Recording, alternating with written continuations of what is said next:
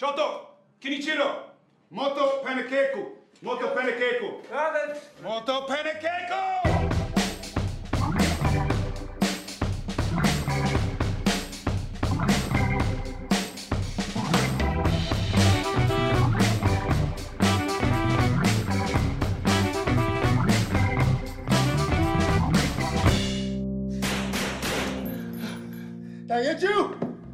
Witamy serdecznie w kolejnym wspólnym odcinku transkontynentalnego magazynu filmowego Kochani.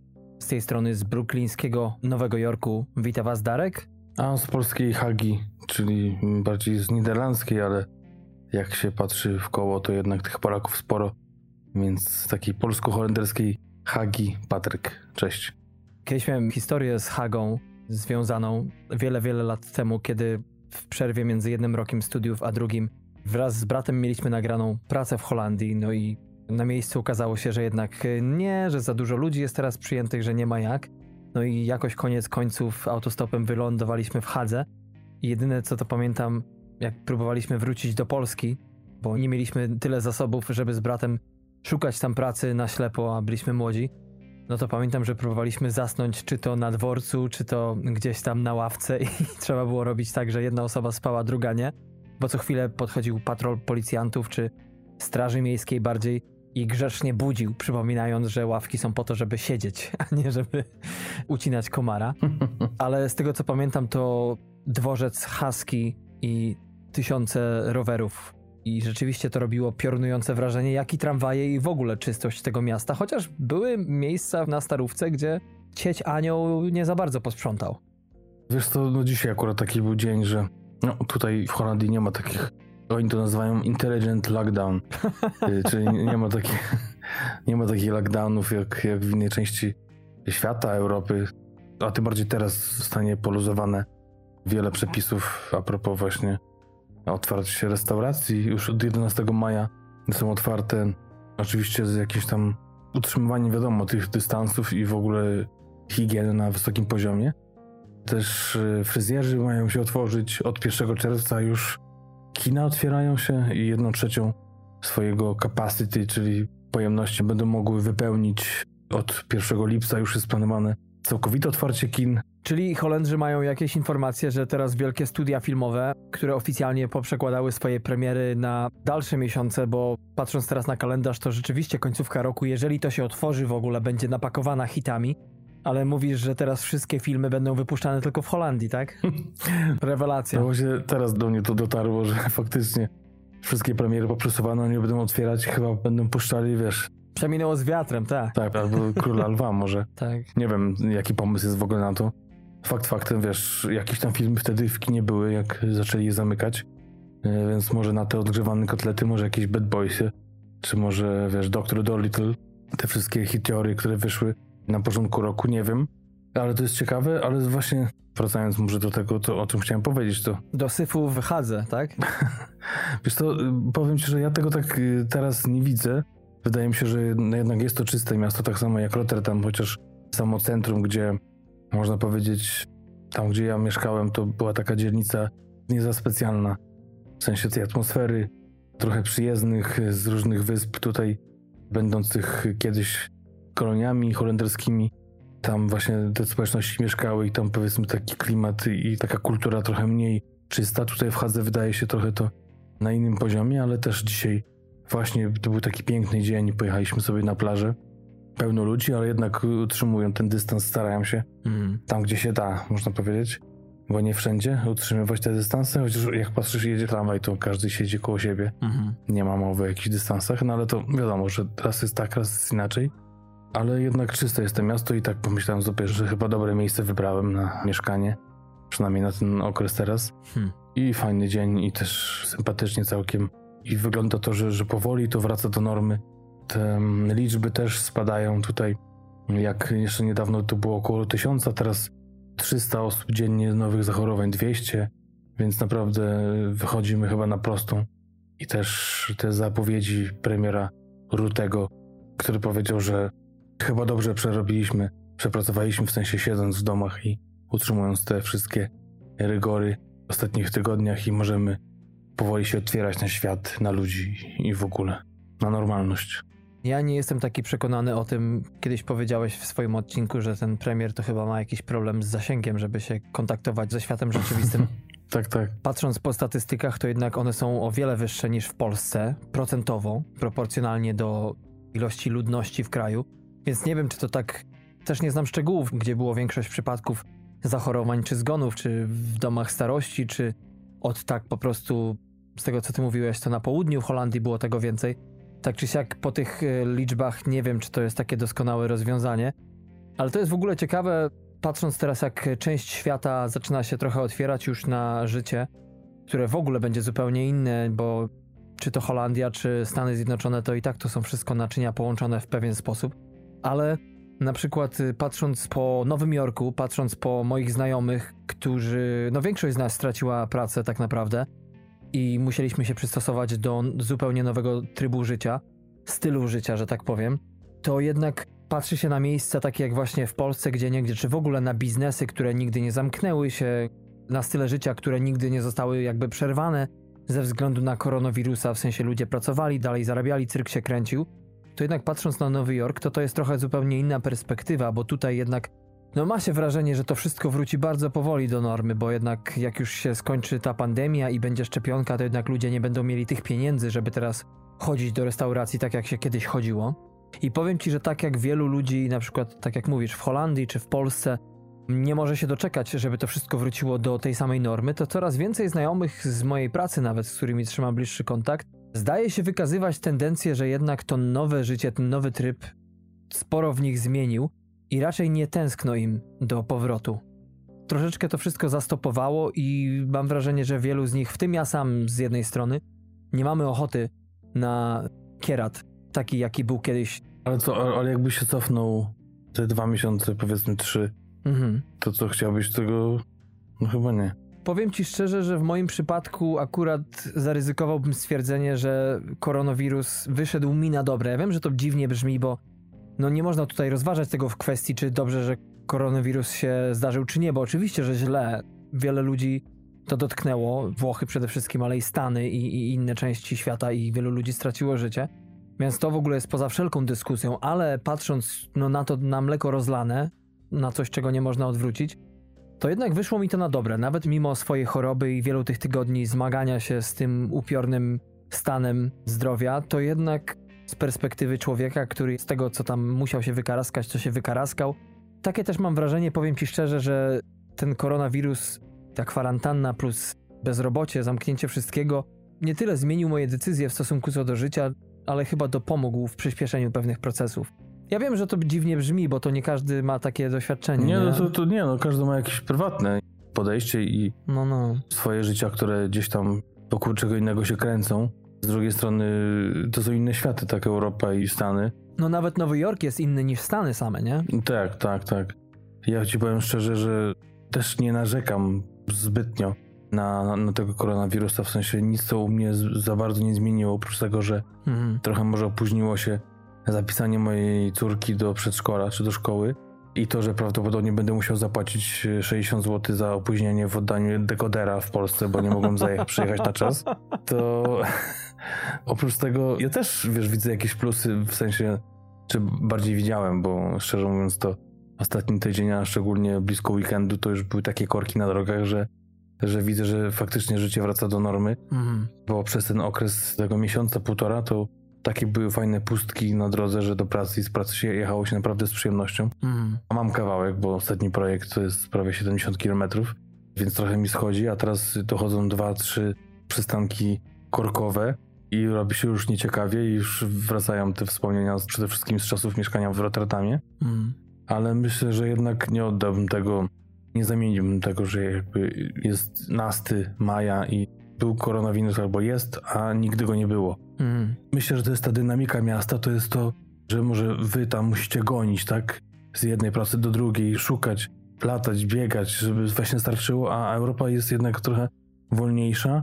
Chociaż też nie chcę się wypowiadać za wszystkich, ale tak jak patrzę na moich znajomych, na znajomych w Polsce, którzy się bardziej na przykład martwią o gospodarkę, jak te obciążenia, pieniądze, które trzeba było jako kraj wyłożyć na ochronę przeliczone na jednego człowieka, z gospodarki, jak one wpłyną w przyszłości, Mhm. na to, jak trudno będzie się odbić, że jakby ta większa skala, ten big picture tak zwany, Makro, tak, tak. tak, nie pozwala jakby do końca pozytywnie na to patrzeć i wiadomo, jak sobie to zoomujesz na swoje życie, to czasami to faktycznie wychodzi na dobre. Nasz dobry znajomy Mark Maron, Mhm. w cudzysłowie nasz znajomy, Kumpel z podstawówki. tak jest podcaster i stand-uper przede wszystkim, w swoim programie mówi o tym, że on się czuje teraz swobodnie, bo wie, że nie musi kogoś gonić, że nikt nie ma nowych występów, nie ma nowych programów i nie ma się z kim ścigać, po prostu nikt tego ni- ani nie wykonuje, ani nie, nie ma żadnych premier, za niczym nie musi gonić, czuje się taką swobodę. Z drugiej strony jeszcze kończąc sprawę Marona, mówi, no to wiesz jaki on jest, trochę taki depresyjny i mówi, że on już się skończył. A jak sobie pomyślał o tym nowym jego specjalu, który wyszedł w marcu na Netflixie, to to już jego praca życia. I on tak naprawdę już nic nie musi udowodnić. Jakby to się miało skończyć, jak już miał nigdy, nigdy nie występować, to on już może, może nie tyle umierać, co w sensie w cudzysłowie umierać artystycznie i Przechodzić na zostawić tą całą, tak jest, tą spuściznę i on się czuje dobrze. Mhm. Tak, a propos podejścia do tego koronawirusa, to jest tak jak, wiesz, ktoś, kto miał na przykład atak serca i to zmieniło jego podejście do wszystkiego tak naprawdę.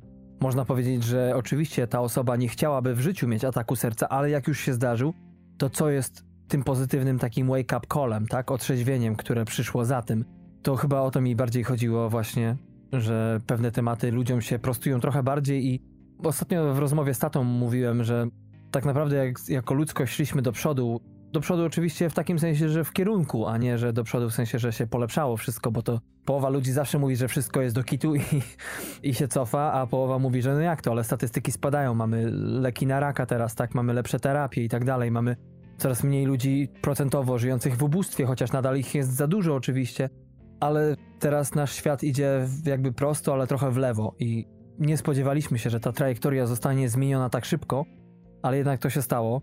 No ale wracając y, do tego, jak wygląda świat właśnie u progu maja, to ostatnio w sobotę wybrałem się zamaskowany oczywiście na spacer poprzez Nowy Jork, przez Brooklyn na Manhattan do jego południowo-wschodnich krańców. To rzeczywiście ludzie noszą maski w większości, można powiedzieć, ale jeśli chodzi o już przebywanie na trawce, a jest sporo skwerów, gdzie ludzie po prostu jakby zachowują niby te kilkumetrowe odstępy, ale no, bez masek i tak dalej i wiadomo, że mamy tak mało jeszcze danych, jak ten wirus się rozprzestrzenia, czy rzeczywiście te 6 stóp, bo to jest tutaj ustawowa odległość, czy rzeczywiście to wystarczy, czy to jest tylko powiedzmy takie teoretyczne minimum, które trzeba spełnić, więc ludzie wydaje mi się, że raczej tego nie przestrzegają, jak przyjdzie pogoda. To trochę mi to przypomina, wiesz, to co mówiłeś, już nie pamiętam w którym odcinku, że kilkumetrowy odstęp musi być zachowany między ludźmi czekającymi do kasy, ale między jedną kasą a drugą to jest powiedzmy kilka centymetrów odstępu, więc tak naprawdę mimo już pacjent koło mnie stoi w dobrej odległości, to tak naprawdę ja chucham, czy kasjerka za mną chucha na mnie, no i to Mhm. się wszystko tak naprawdę kasuje i ta cała ochrona jest tylko i wyłącznie teoretyczna. Ja ci powiem, trochę mnie to trapi, że, że trochę gadamy może za dużo o tym, wszyscy już gadają o tych skutkach, o tym, co się dzieje, wiesz, jakby trochę to myślę ludzi dołuje, więc nie, nie chciałbym za dużo też o tym gadać, ale, ale myślę, że taka ciekawa rzecz a propos właśnie systemu, który został wprowadzony na przykład w Polsce odnośnie tej kwarantanny, Mhm. to też właśnie a propos tych paradoksów w kasach, chociaż tutaj, szczerze powiem, to zmieniło się ostatnio, bo zaczęli wprowadzać takie maty, czy takie, wiesz, gumowe. Takie sklepowe tatami, tak? Tak, tak, tak, więc tak jak na mięsnym, wiesz, więc zaczęli chyba jednak myśleć o tym Mhm. i takie coś jest wprowadzone, więc już, no nie, nie w każdym sklepie, ale w większości takie coś jest. Ale co kolega mi powiedział, to, co dla mnie było no, niedorzeczne, że jeżeli przyjeżdżasz do Polski i nie możesz odbyć, czy bardziej nie chcesz obciążać rodziny, albo nie masz nawet jak odbyć tej kwarantanny 14 dni, to możesz poprosić o państwową kwarantannę, a to polega na tym, że wrzucałem cię do takiego akademika, w cudzysłowie, takiego budynku, gdzie wszyscy są razem i spędzają tam czas razem, posiłki jedzą, więc jakaś tam ulga finansowa też jest, bo masz zapewnione jedzenie, jest tam internet i prysznic i w ogóle Czyli kolonia. tak, ale i teraz tak, on chciał być fair w stosunku do kraju i w ogóle, Mhm. więc zgłosił się i, i jak już wiadomo, wejdziesz, to nie ma mowy, jak wyjdziesz, to masz więzienie od razu, tak? Mhm. Ale jesteś tam razem w środku ze wszystkimi i są wszyscy wymieszani.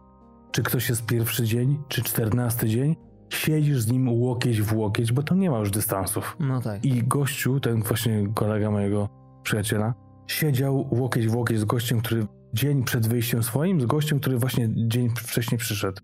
Więc wygląda na to, że to jest idealna wylęgarnia tego wirusa. Jeżeli chcesz się zarazić, to tylko tam, bo tak naprawdę tak ten system stworzył, że nie do przejścia i jeszcze jak chcesz się ratować, więc widzisz gościa, który na przykład kaszle, jest pierwszy dzień, coś z nim nie tak, a ty jesteś ostatni chcesz wyjść, uciekniesz, to jeszcze cię zamkną do więzienia. Tak to pięknie w naszym kraju działa. Nie widzisz, rewelacja.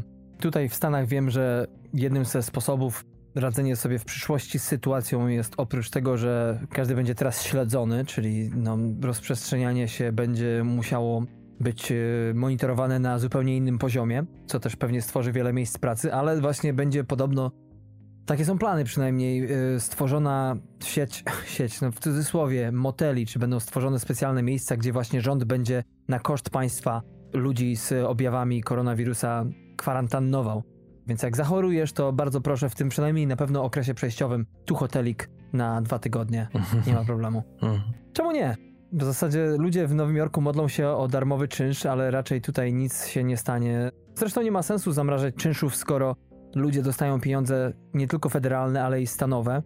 Więc to jest kasa, która spokojnie może iść na mieszkanie, nie? No ale to już dyskusja, którą może warto zakończyć, bo trochę się nagadaliśmy, no ale nie sposób nie wyrzucić tego z siebie. Tym bardziej, że ty i ja nagrywamy te odcinki raz na miesiąc wspólnie. To zawsze można trochę pogadać o tym, a tak na co dzień nie ma, że my się, wiesz, zwaniamy po godzinę dziennie i trzeba się jakoś wypluć gdzie indziej, a Traf chciał, że się produkuje podcast y, z pełną dowolnością artystyczną, więc można coś ludzkiego, zwykłego wcisnąć.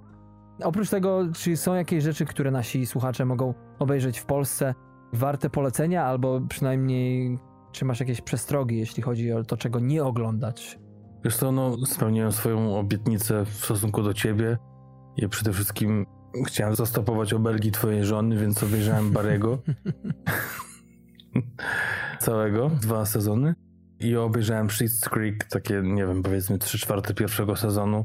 To było to, co promowaliśmy razem w odcinku podcastu a propos podsumowania serialowego zeszłego roku, ale też ty promowałeś w odcinku swojego, no, naszego, twojego wideobloga TMF-u na YouTubie. To zaliczyłem i to zaliczam, powtarzając się, na plus, bo i Bary był ok, chociaż nie zachwyci mnie tak bardzo jak ciebie. Mhm. I Schitt's Creek też moim zdaniem ma potencjał, chociaż no, jakoś tam za bardzo się nie wciągnąłem tak, żeby oglądać teraz codziennie jeden odcinek czy kilka, ale jednak y, to jest coś, co mam w pamięci i zawsze jest pod ręką, można powiedzieć, Mhm. więc będę na, na pewno po to sięgał. A z takich nowszych rzeczy to oczywiście Devs, serial, o którym nie wiem, czy mówiłem, i też oczywiście wszystkie odcinki, 7 odcinków serialu Westworld, trzeci sezon. Też łyknąłem jak taki typowy pożeracz, czyli zaraz po premierach. Chciałem powiedzieć młody pelikan. tak, co tydzień po premierach nowych odcinków zaraz to miałem obejrzane. I co na plus? No i na minus. Hmm, czyli zaczęło się dobrze, z tego co pamiętam, rozmawiając z tobą, tak? Że było kilka wzlotów na początku. Wiesz to, powiem ci tak, pierwsze dwa, trzy odcinki, już teraz nie pamiętam, czy ja ci pisałem o trzecim czy czwartym, który był tak dla mnie zachwycający, ale on był zapowiedzią. Aha. Coś się zadziało i była zapowiedź czegoś lepszego, czy jakby lepszej jakości. A tu się okazało rzucone mięso tylko na pożarcie na ten moment. Klasyczne wywabienie tygrysa z klatki, tak? Tak jest, tak jak ostatnio trochę zboczę z tematu widziałem, jak nie jesz nic teraz. Mam nadzieję, że wy też nie. Jak ta wykłodniała mewa rzuciła się na rozkładającego się szczura, bo to o, żarcie. Ale jakie będzie potem miała reperkusje żołądkowe po tym, jak to zje, to, to już są inne sprawy. I to właśnie było tak ze mną. Tak. Niech się modli o koronawirusa. I tak było ze mną, że o, rzucone mięso, to wiesz, zajarałem się, a potem się okazało, że Szczur zatruty, tak? dokładnie słowa, słowa mi się to odbijało i na toalecie kilka razy w cudzysłowie wylądowałem. No widziałeś. Więc y, totalnie zmarnowany sezon, zmarnowany potencjał. Jedyny na plus Vincent Cassel, genialny w swojej roli, chociaż też myślę, że mógłby nieść l- lepsze kwestie, ale, ale jednak on był główną tutaj postacią, która się wybijała. Aaron Paul totalnie nietrafiony na, fali wiesz, y, Mhm. popularności serialu Breaking Bad. wrzucony, tak jak to w jednym z wywiadów Lisa Joy e, mówiła o tym, że to jest tak zwany everyman, może być bohaterem właśnie będący taką postacią totalnie z tłumu, to to jednak on gra dwiema, trzema minami, no zdziwiony, wkurzony i, i tak naprawdę mało z siebie daje i... Myślisz scenariusz do Kitu, czy interpretacja? Tak, tak. Wiesz to scenariusz w ogóle całego sezonu do Kitu, jak się wydawało po drugim bardzo słabym, mocno roztrzęsionym, mocno skomplikowanym niepotrzebnie sezonie, który mhm. był następcą pierwszego genialnego, gdzie naprawdę była prosta historia, jedna linia, postać gdzieś tam lawirowały wokół jednego tematu i mhm. można było to wszystko ładnie połączyć, to przy drugim moim zdaniem te dwa lata, tak jak ci powiedziałem, w te dwa lata za dużo mieli pomysłów i napakowali w to właśnie w ten drugi sezon. Tak trzeci nowy świat, nie chcę sparować, ale nowy jak uniwersum, zaczynamy praktycznie od nowa. To tutaj nic nie pokazali nowego. Za dużo wcale niezbyt ciekawych scen walki. Wszystko rozwiązywane siłą, nie wiadomo po co. Coraz mniej gdzieś ten intelekt dochodzi do głosu. Coraz mniej te prawdy, wyłożone teorie bardziej Lisy Joy i, i, Nolana, czyli małżeństwa, które Jonathana oczywiście, nie Christophera, mhm. które stworzyło ten serial i mieli jakiś, i mają ponoć zamysł na kilka serii, ponoć w ogóle cała historia już jest napisana i oni po prostu w każdym sezonie pokazują część tej historii, którą już dawno napisali, ale wydaje się, że to jest nieprawda. Trochę wygląda to jak zapcha dziury, niektóre fragmenty serialu, fragmenty odcinków i to jak toczą się losy pewnych postaci, które nagle się pojawiają z niczego i zaraz znikają. Bez sensu totalnie. Więc trochę nie wierzę w to. Albo nie wiem, mają jednak ten budżet zbyt rozbuchany, w sensie rozpisany to na duży budżet, a aż tak dużo nie mogli wydać. Nie wiem, chociaż to bardziej chodzi o plot, tak jak mówisz, o historię, a nie o efekty, bo to jednak widać na wysokim poziomie. Efekty specjalne, kostiumy, scenografia jest przegenialna od pierwszego sezonu, zresztą nawet teraz jeszcze lepiej, bo pojechali do Singapuru, pojechali w różne zakątki Hiszpanii, Naprawdę to wszystko futurystycznie fajnie wygląda, ale już sama historia, główne postaci bardzo słabo rozwinięte, albo nawet zwinięte, można powiedzieć, w stosunku do pierwszej serii przede wszystkim. Więc no totalnie, no wiadomo, no czekam na czwarty sezon, bo nie był to jakiś dramat, tak? Mhm. Tak jak rozmawialiśmy, że chyba trzeci czy czwarty odcinek był takim genialnym czymś zaczątkiem, potem niestety się okazało, że ten płomień zgasł bardzo szybko.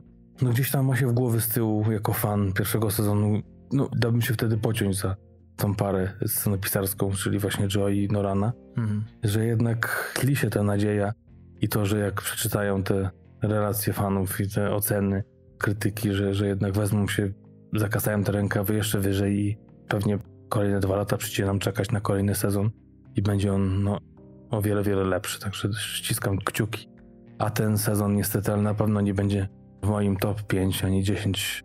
No może 10, ale to zależy jak słaby serialowo będzie 2020. No to ładnie. Ja za wiele nie dorzucę tutaj, bo trzeciego sezonu nie widziałem, a z tych rzeczy, które ostatnio ogarnąłem, to oczywiście do końca dojechałem Schitt's Creek, więc nie ma już nic do zupy, czyli do obiadów 20-minutowych, o których ci ostatnio mówiłem. Ale przede wszystkim, Darku, ja wiem, że też filtrujesz swoje doświadczenia serialowo-filmowe przez to, że będziemy niedługo mieli opisy dwóch seriali i tutaj o tym nie mówimy, bo ja też tak. ugryzłem się w język i chciałem o nich powiedzieć. Tak jest i też tutaj nie zamierzam za wiele zdradzać, o tym słuchacze dowiedzą się bardzo niedługo, natomiast chciałem tylko powiedzieć, że trochę nadrabiam zaległości i też trochę mieliśmy poszukiwań do dzisiejszego filmu, w końcu można o tym powiedzieć, bo tak naprawdę Zmieniliśmy w ostatnim momencie film, o którym będziemy mówili, ale nie reżysera. Mówiliśmy o głośnym nazwisku i mało znanym filmie. Okazało się, że to, co dzisiaj robimy, można powiedzieć, że na nowo ja odkryłem to dzieło po kolejnym jego seansie, a ty w końcu miałeś, nadrabiając filmografię reżysera, szansę, żeby doobejrzeć ten film. No i skończyło się na tym, że obaj oczarowani kompletnie dziełem tytułowym dzisiejszego odcinka nie mieliśmy innego wyboru, także to były moje harce, jeśli chodzi o film czy serial. No i co, może przejdźmy do dzisiejszego dzieła, bo jest o czym mówić. Jest wybitny reżyser, naszym zdaniem przynajmniej, którego świetne dzieła to nie tylko dwa czy trzy filmy, ale tak naprawdę można powiedzieć większość jego twórczości sporo wnosi do światowej kinematografii i też widać jakby progres, czy widać y, wspinanie się Paula Thomasa Andersona po tej drabinie najlepszych reżyserów, przynajmniej w Hollywood. Przede wszystkim do warte porównania jest to, że to samo co u jego brata, Wes Andersona, o którego filmie rozmawialiśmy ostatnio. E, tam też była zmiana. Patrz, to jednak bracia jednak się tak samo do jej podchodzi. Zmieniliśmy z bardziej znanego filmu na mniej znany, który naszym zdaniem i w ogóle zdaniem w ogóle krytyki jest lepszym filmem i miał jeszcze mniej głosów na Filmwebie, który gdzieś jest tam naszym wyznacznikiem, jeśli chodzi o znajomość filmu przez polską widownię. I tak samo tutaj, bo mówisz, że, że mniej bardziej znany.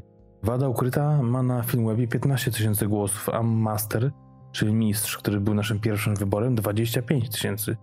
Więc jest różnica. No tak. E, I jakkolwiek, jeśli spojrzymy też na box office, Master bardziej się udał, to jednak przez krytykę Wada Ukryta jest y, zdecydowanie lepiej oceniana, ale też nominacje, chociaż oba filmy akurat miały do Oscara, ale Master miał tylko do kategorii aktorskich, a tutaj Wada Ukryta to już był scenariusz, także to chyba ważniejsze jest przy ocenie filmu całego. Tak jest. No, wada ukryta, historia z tym filmem jest taka, jeśli chodzi o wybór do naszego odcinka, że ja ten film już wcześniej widziałem i decydując się, tak jak powiedziałeś, początkowo na Mastera, który mimo tych 25 tysięcy głosów i tak jest mocno nieznanym filmem, a ja ten film widziałem przynajmniej pięciokrotnie, jak nie więcej. Więc dla mnie to jest trochę taka klasyka i do momentu Nici Widmo, Phantom Thread, czyli najnowszego filmu pełnometrażowego reżysera, był to mój ulubiony film. Tak y, po rozmowie naszej krótkiej o tym filmie i po twoim seansie ja wróciłem do niego w dniu nagrywania tak naprawdę, czyli dziś rano obejrzałem ten film jeszcze raz i, i robiąc research na jego temat, kompletnie oczarowałem się tym filmem. W sensie tyle rzeczy, które wyczytałem z różnych właśnie recenzji czy opracowań a propos tego filmu, sprawdziło się tak naprawdę, jeśli chodzi o to, co ja byłem w stanie z tego seansu uzyskać. Natomiast nie miałem jakby ułożonego tego w głowie na tyle, żeby sformalizować to jakoś i nadać temu kształt. W ogóle, jak ci powiedziałem, jest problem z odbiorem tego filmu i nie dziwo, że ludzie tak naprawdę nie łyknęli go tak jak właśnie mistrza. Problem jest taki, że ten film wymaga klucza, wymaga pewnej perspektywy, którą widz obierze sobie, żeby cokolwiek odczytać z niego, czy żeby ten film miał sens, bo to nie jest typowy film naszego reżysera. Można powiedzieć jeden z dwóch bardziej nietypowych. Tak mi się wydaje, że aż poleje się krew to był najmniej Andersonowski film, ale Magnolia i dzisiejszy film są najbardziej jakby takim odbiciem w zupełnie inną stronę. No to ja powiem dwa słowa o tym, jak ja do tego filmu podchodziłem przez lata, bo i ty mi o tym mówiłeś, że jest nawet dobrym filmem. Ocena 7,4 z tego co pamiętam była na IMDB, to też gdzieś tam do mnie przemawiało. Jak się okazuje teraz, to jest 6,7 na IMDB, 6,6 na Filmwebie. Więc w ogóle nie wiem, czy ja to źle pamiętam, ale no tragiczne te oceny jak na taki film, który tak jak dzisiaj powiedziałem przed nagraniem, jeżeli byśmy się cofnęli w czasie i z racji tego, że pierwszy film do naszego podcastu wybraliśmy, mhm. E, będący takim moim bardzo prywatnym filmem, jakim był Buffalo 66, to jakbyś mieli się cofnąć w czasie i zasugerowałbyś, żeby może zrobić wadę ukrytą, bo to też jest ciekawe, że ja byłem pewien, że ty jesteś mocno za tym mistrzem, jak obejrzałem Wadę Ukrytą, to byłem tak zajerany wczoraj. Ja nie powiem, że to była moja taktyka, jakby jak do ciebie pisałem o tym filmie, ale pisałem ci wszystkie te wspaniałe rzeczy, które o nim pomyślałem i gdzieś tam z tyłu głowy miałem, że może zapytasz mnie, no to może zmieniamy film, ale ty od razu napisałeś, że nie, jak, jeżeli porównujemy Mastera i Wadę Ukrytą, to oczywiście, że jestem za Wadę Ukrytą, więc yy, wlało trochę radości w moje serce, bo nie musiałem walczyć o to, ani w ogóle sugerować ci nawet, że, że może byśmy zmieniali, bo chciałeś sam zmienić. I szczerze mówiąc, to jest drugi film, który kojarzę świadomie w życiu, że żałuję, że nie widziałem go wcześniej. To jest 6 lat od premiery, 5 lat od premiery na DVD w Polsce. Film, który mnie porwał tak, no zaraz jakby się o tym dowiecie, jak będziemy go gdzieś tam próbować rozłożyć na elementy pierwsze, chociaż bez spoilerów oczywiście. Jest tylko jakieś wrażenia i estetykę pewnie opowiemy i o tym, co się działo w koło, jak zwykle w TMF-ie, ale no powali mnie totalnie i nie wiem o czym mówić, jeśli chodzi o to, że, że musiałeś złapać jakiś klucz do tego filmu, bo ja nie potrzebowałem tego, ale to może jakby, nie wiem, takie podejście do tego miałem, ale podchodziłem do tego filmu wcześniej dwa czy trzy razy, nawet chyba kojarzę ze dwa takie trzy gagi, które się zdarzyły już po 20-30 minucie i nie mam pojęcia, dlaczego się zatrzymałem. Wiem, że na pewno pierwsze minuty nie skłaniają do tego, żeby iść dalej. No, podchodzi się do tego z rezerwą i myślę, że stąd te oceny, że ludziom ciężko przebić się przez tą estetykę pierwszych scen, przez to, że myślę, że to będzie takie snucie się po kątach jakiejś historii, która, no wiadomo, że duży jest nacisk na, na dialogi położony, ale że będzie takie właśnie snucie się po korytarzach jakichś nudnych historii i nic z tego nie będzie. A on jest totalnym zaprzeczeniem tych pierwszych scen prawie, chociaż one nadają klimatu i przede wszystkim sensu całej historii. I mówię, żałuję, że nie widziałem go wcześniej. Jestem zachwycony, że go obejrzałem. Cieszę się z tego, że ty pozwoliłeś sam na to, że zmienimy ten film. Chociaż pewnie o Masterze też powiemy, bo tak samo jak przy Andersonie, o świecie Zizu, chociaż tam mówiliśmy bardziej o tych złych rzeczach. Myślę, że tutaj tak nie będzie. Chociaż moim zdaniem tamten jest mocniej, bardziej aktorski niż ten. Tutaj bardziej ta historia, klimat jest y, bardziej odczuwalna. Ale no po prostu film jest nieziemski i myślę, że po drugim albo trzecim seansie, bo to jest ważne na początku, żeby powiedzieć.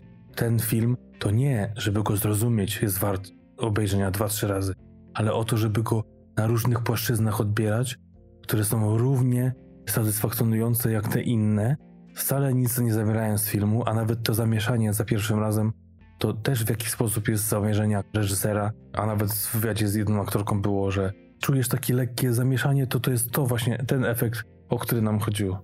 To znaczy, ja się tutaj z Tobą zgadzając, nie zgodzę jednocześnie, że to nie jest film aktorski, mniej niż inne.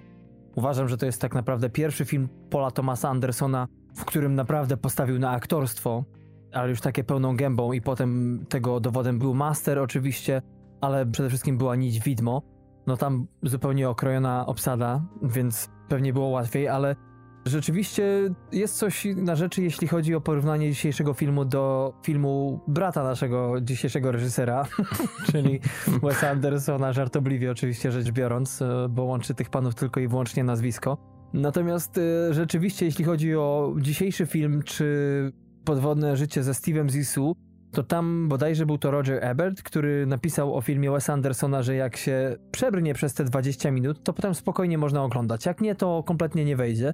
I tak jest z dzisiejszym filmem. I ten klucz, o którym mówisz, czy to nasze różne podejście do tego filmu, uważam, że jest podobne bardzo, bo ty kilka razy próbowałeś wziąć na róż ten film. Natomiast ja po pierwszych 15 minutach musiałem sobie przetłumaczyć, o co chodzi w tym wszystkim, bo czułem, że już się po prostu odklejam od tego, już przestaje mi to robić, czuję, że wszystko jest bardziej rozlazłe, nie klei się.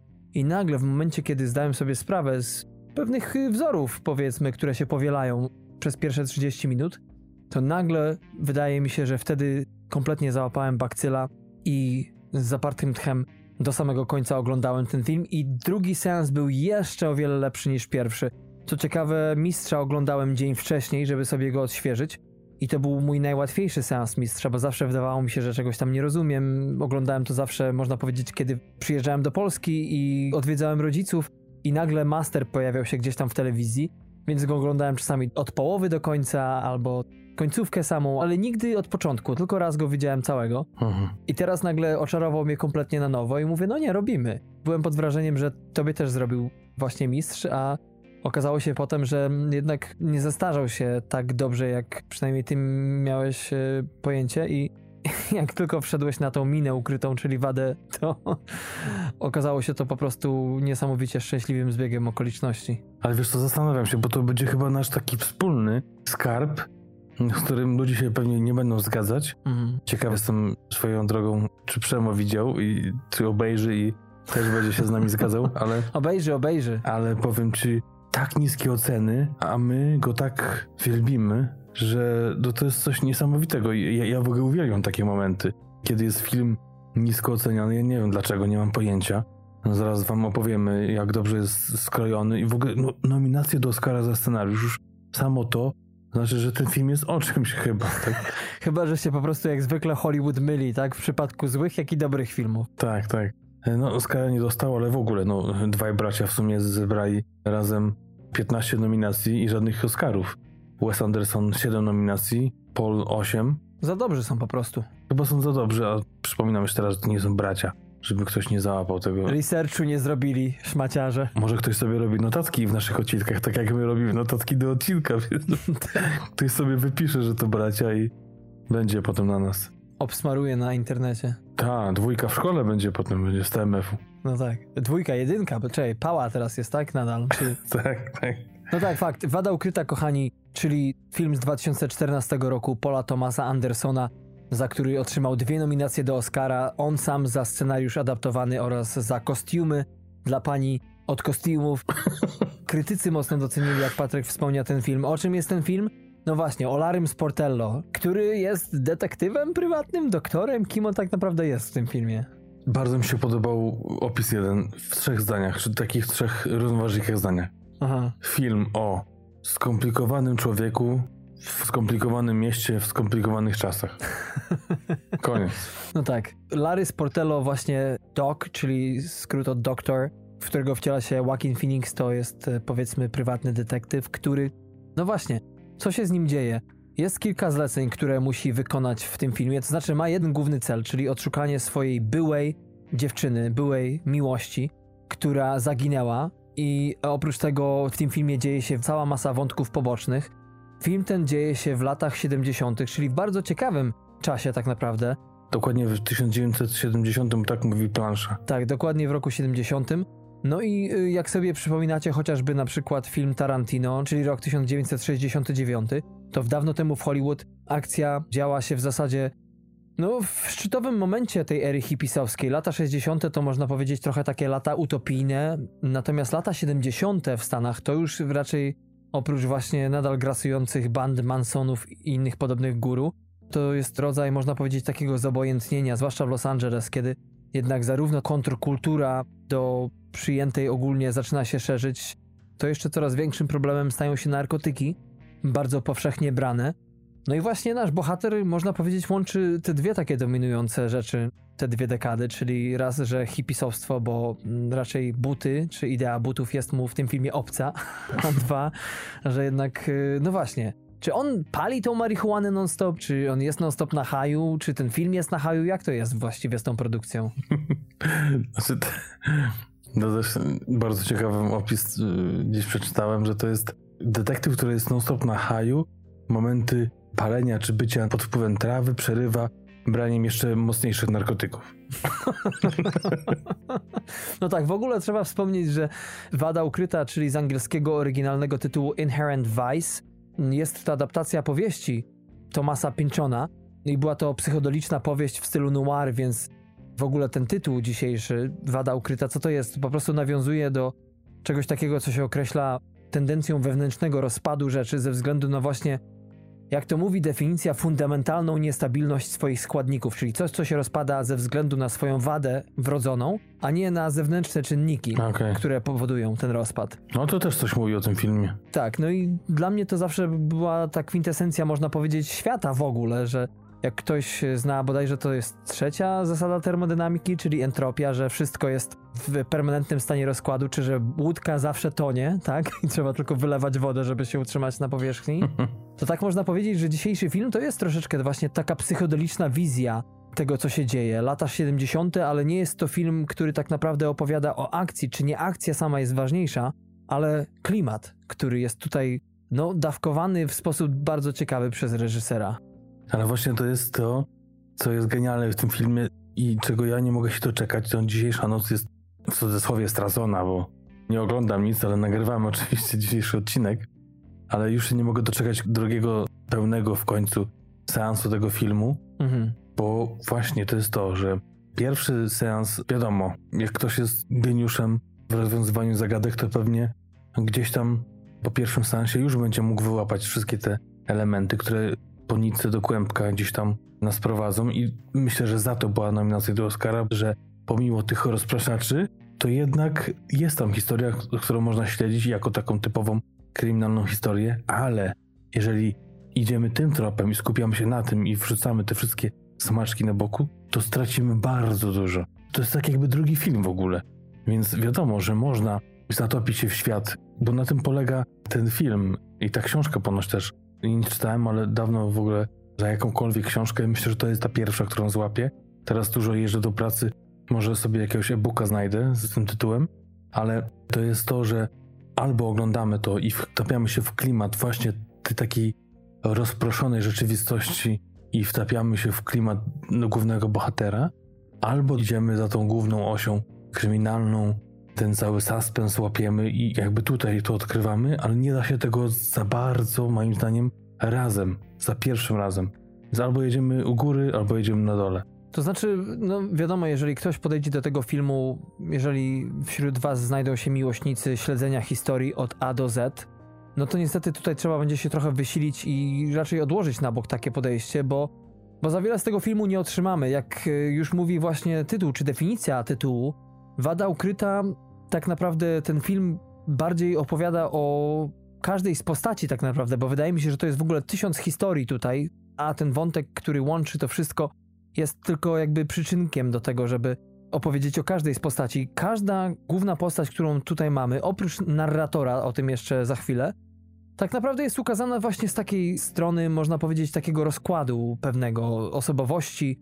I być może oni sobie nie zdają z tego sprawy, przynajmniej często nie widać, żeby to było jakimś problemem. Ci ludzie raczej podążają wyznaczoną przez siebie czy im ścieżką. Natomiast w przypadku czy to naszego Doka, czyli postaci granej przez e, Joaquina Phoenixa, czy choćby na przykład przez Bigfoota, czyli aryjskiego, konserwatywnego, nienawidzącego hipisów gliniarza granego przez Josha Brolina. Nawiasem mówiąc, jest to genialna rola.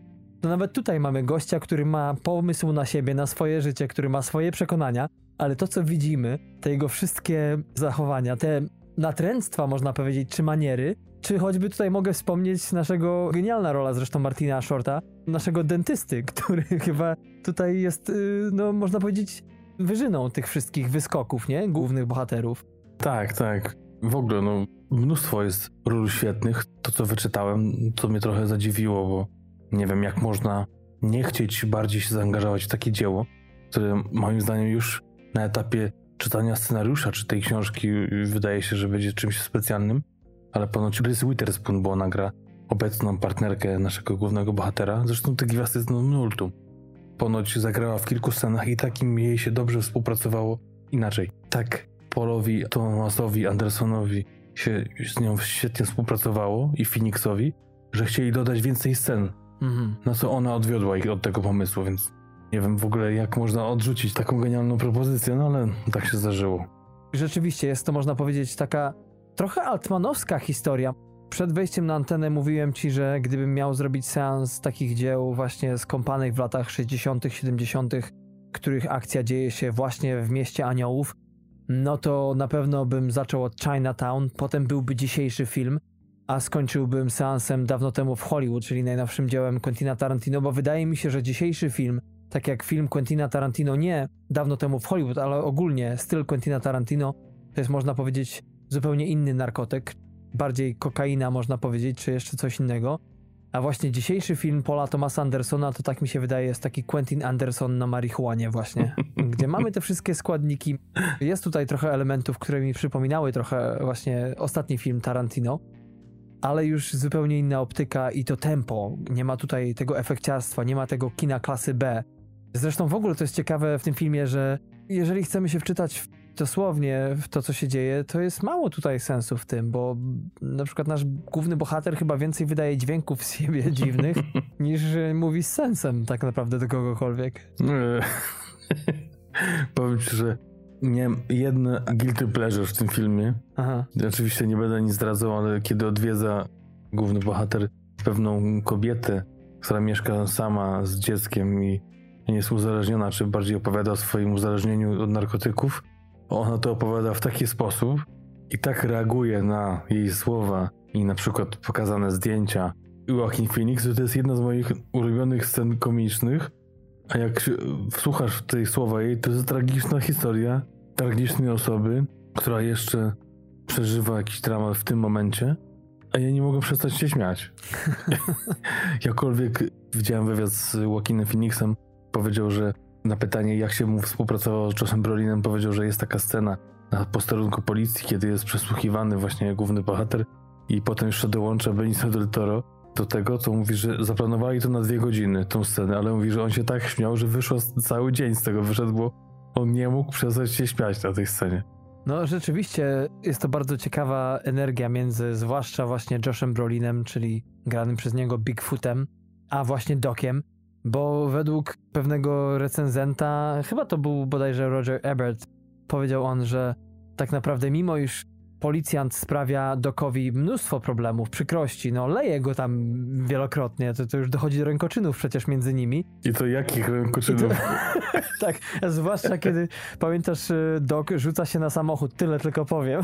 Tak, tak. To jest w ogóle, ja nie mogłem uwierzyć, że tę scenę nakręcili bez dublerów, bo to jest tak wszystko zrealizowane realistycznie, że ja nie, po prostu nie wierzę, że hollywoodscy aktorzy i ich agenci zgodzili się po prostu mm. na, na scenę bez kaskaderów, nie? Tym bardziej jak pomyślisz sobie, jak kruchym i wątłym człowiekiem jest Phoenix, a jak no może nie tyle potężnym, no ale dość dobrze zbudowanym Brolin. Tak, tak. No ale mimo tych wszystkich rzeczy, które łączą te dwie postaci, bo niby tak mi się wydawało, że oni powinni być właśnie no, po tej samej stronie, tak? Doc, mimo iż jest tym hipisem, czymś, czego nie może przeboleć nasz policjant, to jednak też służy prawu, tak? Mimo iż prywatnie, to jednak może nie powinni sobie aż tak wchodzić w drogę. Przynajmniej powinni, może rzeczywiście prywatny detektyw zawsze się wcina, można powiedzieć, policjantom, jest, wyprzedza ich, więc to może być jakiś powód do jakichś niesnasek.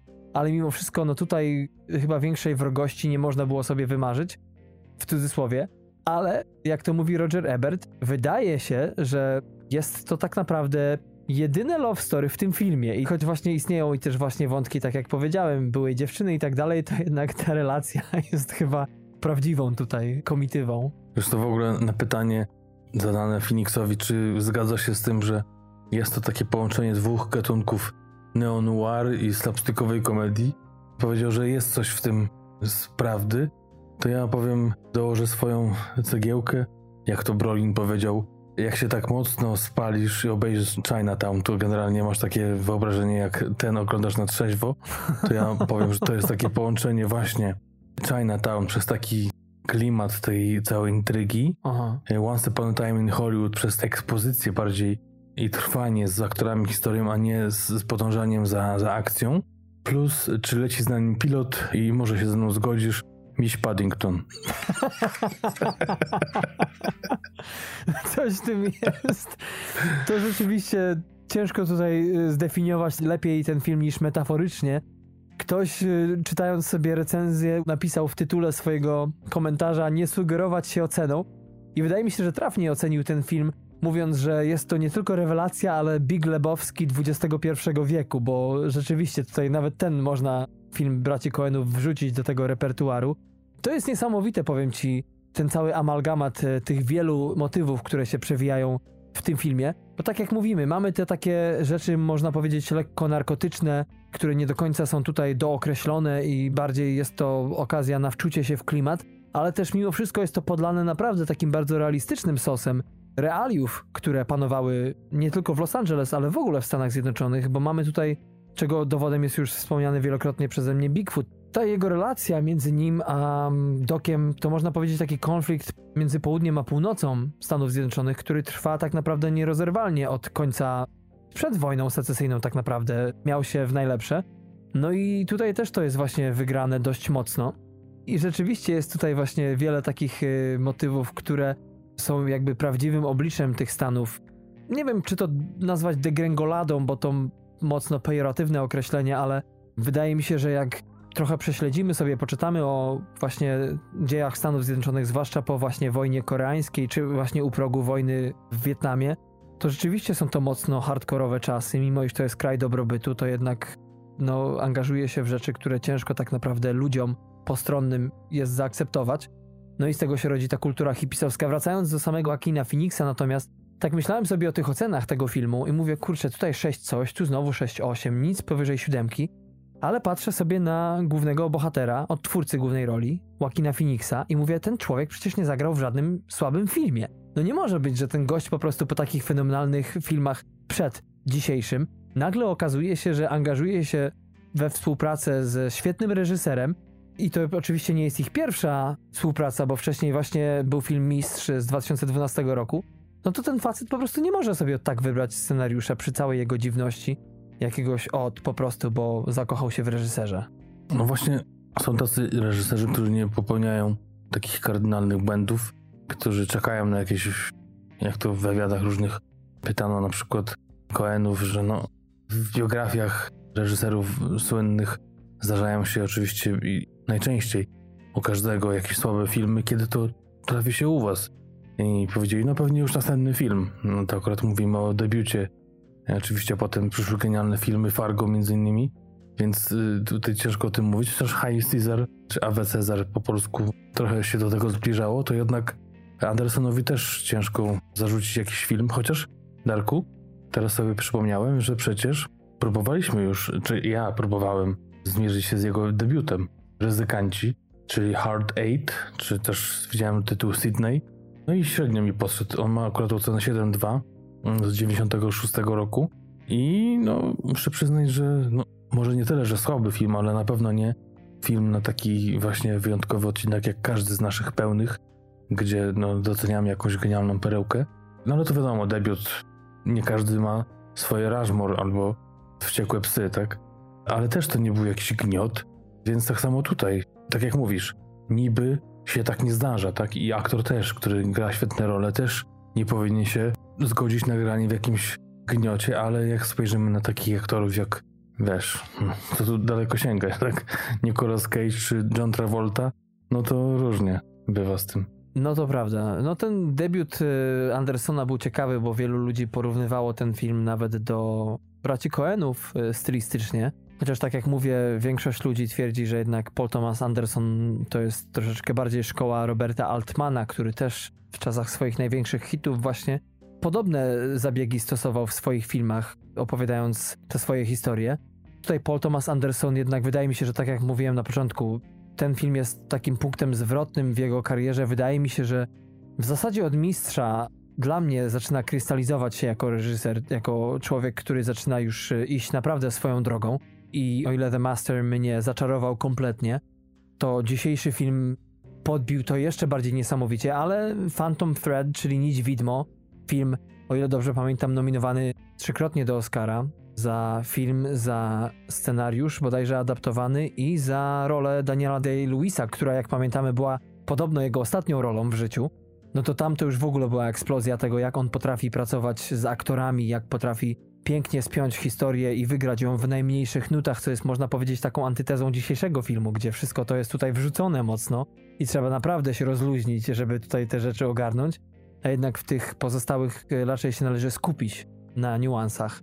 Nie wiem, czy dobrze to patrzę, ale wydaje mi się, że energia, którą dzisiejszy film wymaga od widza, jest zupełnie inna. Ja, ja, ja powiem inaczej. Ja, ja, bardziej się przychylam do, do tego, co powiedziała jedna z aktorek, która tu zagrała. Mhm. Właśnie Szastę, czyli tą byłą dziewczynę, mhm. którą poszukuje główny bohater Catherine Waterstone, która powiedziała, że jest jedną z największych fanek w ogóle samego Andersona. Sam proces rekrutacji czy castingowy do tego filmu, chociaż powiedziała na końcu, że czekała, czy dostanie tą pracę, a nie rolę. To trochę mnie tak zaskoczyło takie słowo, dlatego może powiedziałem rekrutację. Mhm. Przebiegało w ten sposób, że najpierw miała oczywiście zdjęcia próbne, nagranie, a potem miała spotkanie z Andersonem i z Phoenixem, co też dużo dało mi do myślenia, że jednak Anderson wysoko sobie ceni samą postać Phoenixa już wtedy, jako osobę, która powinna brać udział w tych doborach aktorów i aktorek. Mm. I myślała, że może będzie musiała dla nich zatańczyć albo zaśpiewać. Po prostu kilka godzin sobie posiedzieli, pogadali, zjedli dobre jedzenie i się rozstali. I też kilka tygodni to trwało, jeszcze potem jakieś wspólne naczytanie tekstu z Andersonem. I po kilku tygodniach okazało się, że właśnie dostała tą rolę. Ona powiedziała, że dla niej, jako takiej właśnie psychofanki, która na każdy film leci od razu, nie oglądając żadnych trailerów, nie czytając niczego, leci pierwszego dnia w piątek na premierę i czeka na to doświadczenie, którym dla niej jest każdy film Andersona. Ona mówi, że dla niej, i ja właśnie też z tym e, chyba bym sympatyzował z tą opinią, że każdy film jest inny, każdy jest nabudowany jakby od zera, od początku. Nowy świat, universe, to lepiej brzmi chyba po angielsku. Uniwersum z marvelowskiego słownika zaczerpnąwszy. No właśnie tego chyba chciałem uniknąć mocno porównania i w ogóle użycia tego słowa mm. Marvel, no ale to nie, nie, nie wyszło, dzięki Darek. I tak, tak właśnie odbieram te jego filmy, że, że każdy jest inny, aż poleje się krew. Na przykład ty mówisz, że dla ciebie już od tej wady ukrytej, czy bardziej od mistrza zaczęło się ten, ten jego kierunek, czy jego stempel, który gdzieś tam mówi, to jest oryginalna produkcja właśnie Paula Thomasa Andersona. Moim zdaniem już a poleje się krew nie poraził, szczególnie rola Daniela Day-Lewisa, ale sam film cały też, też, też był dla mnie genialny. Boogie Nights to przecież też kolejny tytuł, który był zupełnie inny. Wada ukryta jest jeszcze inna. I tak myślę sobie, czy są jakieś filmy, które w stylu może, bo na przykład zdjęcia są zawsze genialne. Nawet Nici Widmo, której tak nie pokochałem jak ty, tam uważam, że to, to było na tak genialnym poziomie. To dzieła sztuki były te wszystkie ujęcia, tak samo jest tutaj, tak samo wasz poleje się krew, tak samo w Boogie Nights. Zawsze to kostiumy, wnętrza, dekoracje, też kamerowanie światło stoi na wysokim poziomie i też pewnie jakiś sposób podejście do bohatera, do psychologii, ale myślę, że jednak te filmy się mocno różnią od siebie. To znaczy, ja powiem ci tak, tutaj tylko lekko precyzując pewną rzecz, że nie uważam, że Mistrz to był pierwszy dobry film, czy wybitny film y, dzisiejszego reżysera, bo rzeczywiście Boogie Nights mnie oczarował. To był pierwszy film Andersona, który widziałem. I tak samo Aż poleje się krew był dla mnie genialny, chociaż nie polecam tego filmu oglądać na nowych telewizorach, bo to wygląda to wszystko fatalnie. Zbyt krystalicznej, kompletnie traci ten film na jakości. To jednak właśnie oglądając to w kinie czy w niższej rozdzielczości, to dzieło za dziełem tak naprawdę naszego, nawet Magnolia, nie wiem czy pewnie widziałeś Magnolię, zakładam ale to było chyba jego najambitniejsze dzieło. Tak mi się wydaje, że dzisiejszy film, jak i Magnolia, to są dwa wyjątkowe filmy w filmografii dzisiejszego reżysera. Magnolia to nie było jakby zbyt oryginalne dzieło, jeśli chodzi o podejście, bo tam mamy tysiąc głównych bohaterów mhm. i tak dalej, więc jest to dzieło mocno ambitne, ponad trzygodzinne, ale jest to niesamowicie spięte jak na 28-latka, bo tyle wtedy miał lat nasz reżyser, kiedy realizował tamten film z innymi Tomem Cruzem w roli głównej. I tak naprawdę wydaje mi się, że kolejne dzieło, jakie by nie było Paula Thomasa Andersona, będzie znowu inne. Wydaje mi się, że będzie wiele składników podobnych, ale to jest facet, który cały czas szuka jednak tej swojej drogi, bo żaden film nie kopiuje poprzedniego, tak mi się wydaje. No i przede wszystkim, chociaż film web podpowiada, że to jest kryminał, jak sobie zobaczymy już na IMDb, to masz comedy, crime, drama, więc już więcej ci podpowiada, że jest coś z komedią. Mhm. I chyba nie przejrzałem tak tych wszystkich jego filmów, ale to chyba najbardziej komediowy.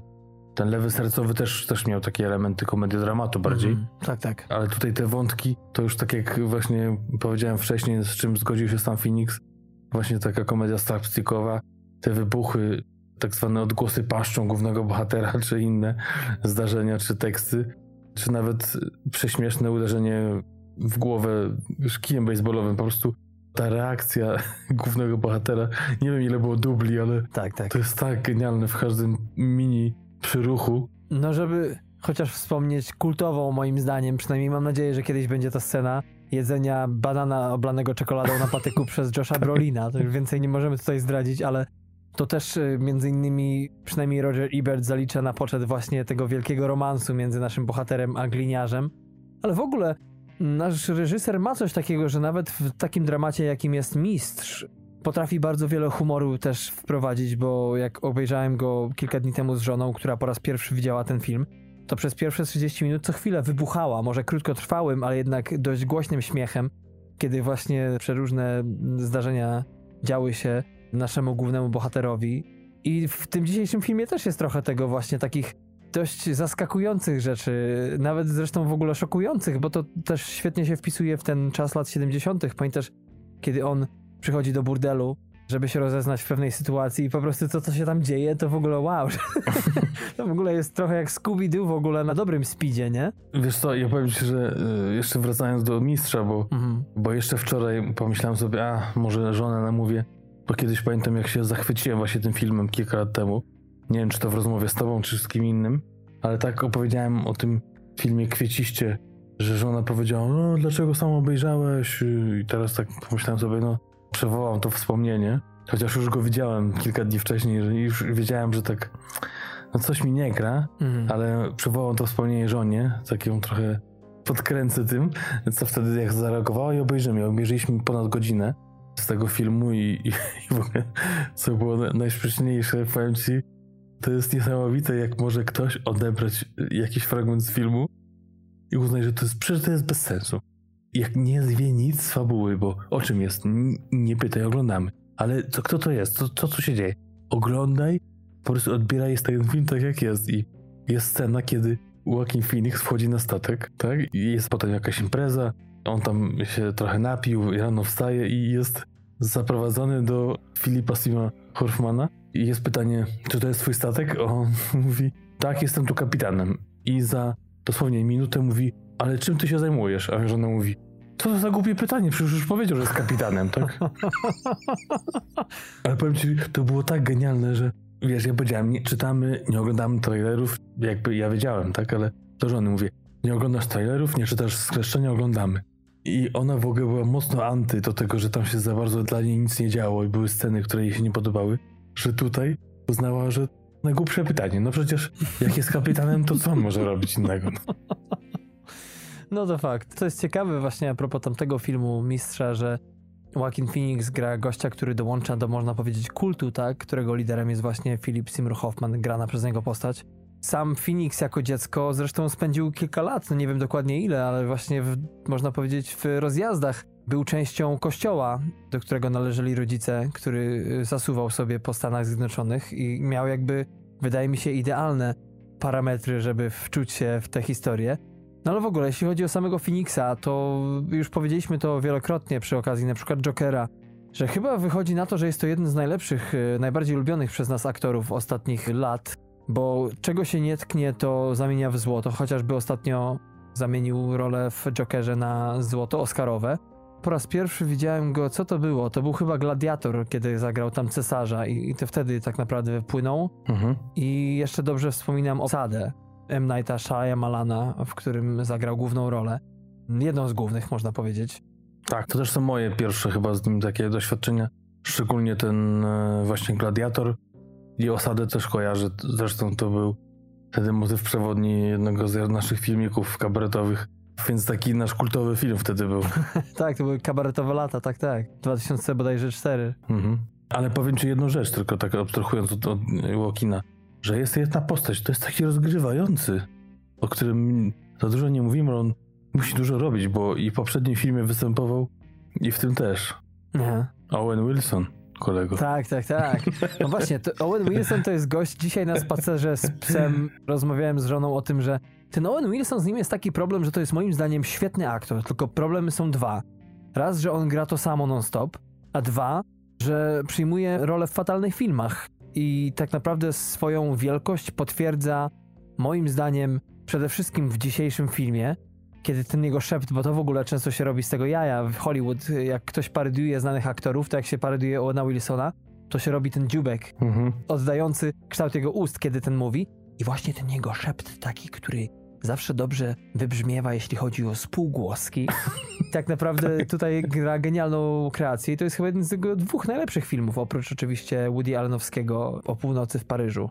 No właśnie, to jest... Teraz tak trochę przesadziłem z tym, że, że wiesz, że był w dwóch filmach, bo Rashford napisał scenariusz, ale to, no, też ważna postać w tym filmie. Tak, tak. Ale też właśnie uważałem go przez lata za takiego dość mocnego średniaka i tak jak mówisz, te wybory jego filmowe były bardzo słabe moim, też w mojej ocenie, ale jak się trafił właśnie o północy w Paryżu, to nie powiem, że się w nim zakochałem, ale na pewno w tej roli. Mhm. Bo tak jak troszeczkę ten wczesny, nie wiem dlaczego, no może tu się ośmieszę przed krytykami, ale ten wczesny Woody Allen zupełnie mi nie robi, tak ten późniejszy, taki właśnie lata 2000, 2010 czy 15. Mm. E, jeszcze Matchpoint tam się zjawił też ze świetną Scarlett Johansson, czy też e, Vicky Krystyna Barcelona.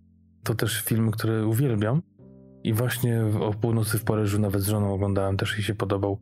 I Sam Wilson, i film, więc no to znaczy, może ty jesteś z tej szkoły, która po prostu nie lubi filmów Woody'ego Allena, które mówią o nim samym, bo tak naprawdę on na początku robił tylko i wyłącznie o sobie. Wszystko przez siebie filtrował. A dopiero już potem, jak już się wygadał na swój temat, to zaczął robić o innych yy, natręctwach. Też może jego, ale nadawał im już inne imiona. Wiesz, no, na pewno to, że zamiast opowiadać swoje historie przez swoją osobę, bo po prostu grał główną rolę w swoich filmach, zaczął je przerzucać na, na innych aktorów, no i tam nadawało to, wiadomo, innego wydźwięku, tak? Więc może to o to chodzi. Mhm. Za dużo ale nawalenie było dla mnie. Być może. Natomiast tutaj Owen Wilson, wspomniany przez nas, gra muzyka jazzowego, który pewnego dnia, można powiedzieć, ginie w tajemniczych okolicznościach. Nie wiadomo, co się z nim dzieje. No i jego żona zatrudnia właśnie naszego głównego bohatera do tego, żeby go odnaleźć, co zresztą jest moim zdaniem takim motywem przewodnim, że nasz główny bohater ma za zadanie odszukać swoją byłą kochankę, która gdzieś tam zaginęła i nagle okazuje się, że co chwilę ktoś przychodzi do niego z jakimś pytaniem, z jakimś, a może pan pomóc w odnalezieniu tego i tak dalej. I okazuje się, że on tak naprawdę łapie tysiąc srok za ogon i nie wiadomo już w zasadzie, kogo my teraz śledzimy. Czy to tutaj szukamy tej kochanki? Cokolwiek by się nie działo, to zawsze gdzieś tam jakieś pytanie pada, że trzyma pieczę. I tu się zatrzymujemy z fabułą, z tą linią prostą, która idzie do kłębka, bo za chwilę się wykopertniemy tak, i, tak, i zaraz tak. coś sprzedamy. Tak, tych spraw jest wiele zbiera jedną po drugiej i to też jest coraz bardziej komiczne, ciekawe i, i też czasami nawet bierze roboty, które już yy, wykonał. tak, tego nigdy za wiele. No. Co ciekawe, wielką różnicą między książką a filmem, a tak naprawdę fani Andersona to wiedzą, a mniejsi fani być może nie, ale w przypadku wspomnianego już przez nas aż poleje się krew, tam Anderson jednak odszedł troszeczkę od oryginału bardziej przekładając go na scenariusz filmowy, natomiast tutaj się trzymał dość mocno oryginału powieściowego. No i wielką zmianą, jeśli chodzi o książkę, a film jest to, że mamy tutaj postać narratora. Ja chciałem tylko dodać to, co ci powiedziałem, urwałem pół zdania przed nagraniem. A propos, aż poleje się krew, tylko pierwszy konspekt, pierwsze kilka, kilkanaście minut filmu, tylko tam opierał się na książce, a potem to już była jego wyobraźnia i jego interpretacja i zupełnie odjechał. A tutaj, tak jak mówisz, zupełnie zresztą w wywiadzie też śmiesznie to opowiadał o tym, że. A tutaj na początku myślałem, że żartuje sobie, bo to tak brzmiało, wiesz, ktoś powiedział, tutaj się po prostu trzymałeś książki. Mówi, no tak, po prostu wziąłem książkę, usiadłem z laptopem i zacząłem przepisywać wszystkie dialogi, tak jak były.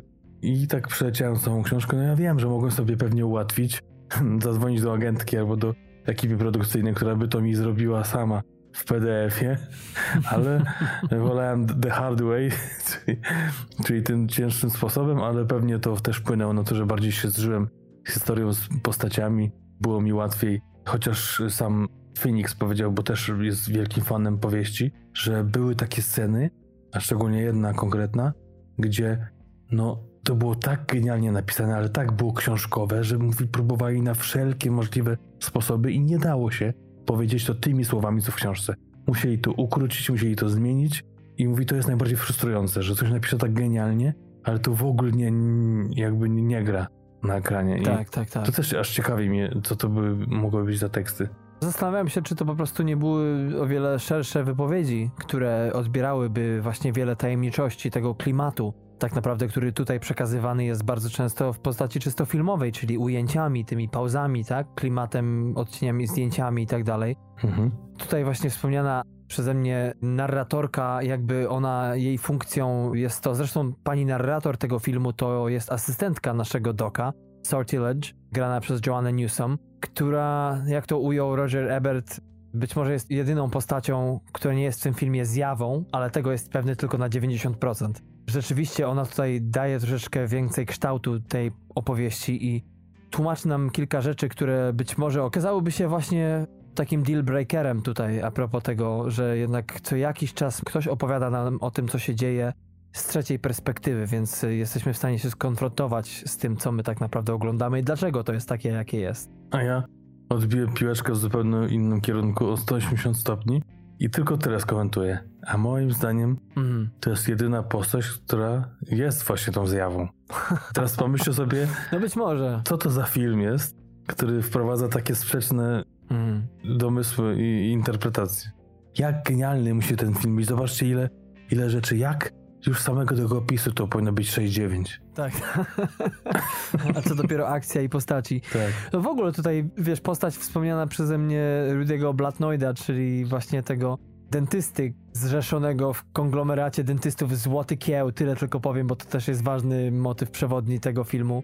Facet, który niby jest doktorem, cholera wie, czy tak naprawdę nim jest. Z drugiej strony lubi sobie troszeczkę wciągnąć tu i ówdzie. Ktoś opisał, że jego krok który Martin Short y, uskutecznił, kreując tę postać, powinna dostać osobnego Oscara. Za, tak jak w y, sketchu Monty Pythona pod tytułem Ministerstwo Dziwnych Kroków. Tak samo właśnie grana przez wspomnianą Reese Witherspoon, pani asystent prokuratora. Też przecież jej stosunek do naszego głównego bohatera jest no mocno dwojaki, nie? Z tego, co mówi i co czyni.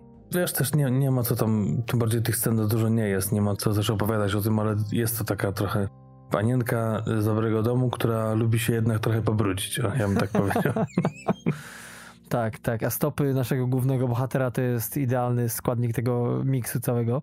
No właśnie, co tu jeszcze o tym y, filmie powiedzieć? Może troszeczkę o samym reżyserze, bo o nim trochę mało jednak powiedzieliśmy zazwyczaj. Zazwyczaj lekko przybliżamy genezę powstania samego nazwiska, jakim jest w tym przypadku Paul Thomas Anderson. Zanim odjedziesz właśnie w te jego rejony może pracy czy, czy początków, ja tylko chcę właśnie takim przejściem z tego filmu do jego osoby powiedzieć, że co mnie też zainteresowało w wywiadzie z Phoenixem, jak pracuje z aktorami, że ma taki tak zwany open set, że, że reżyser pozwala chodzić po całym tak naprawdę w cudzysłowie świecie, mhm. który kręci.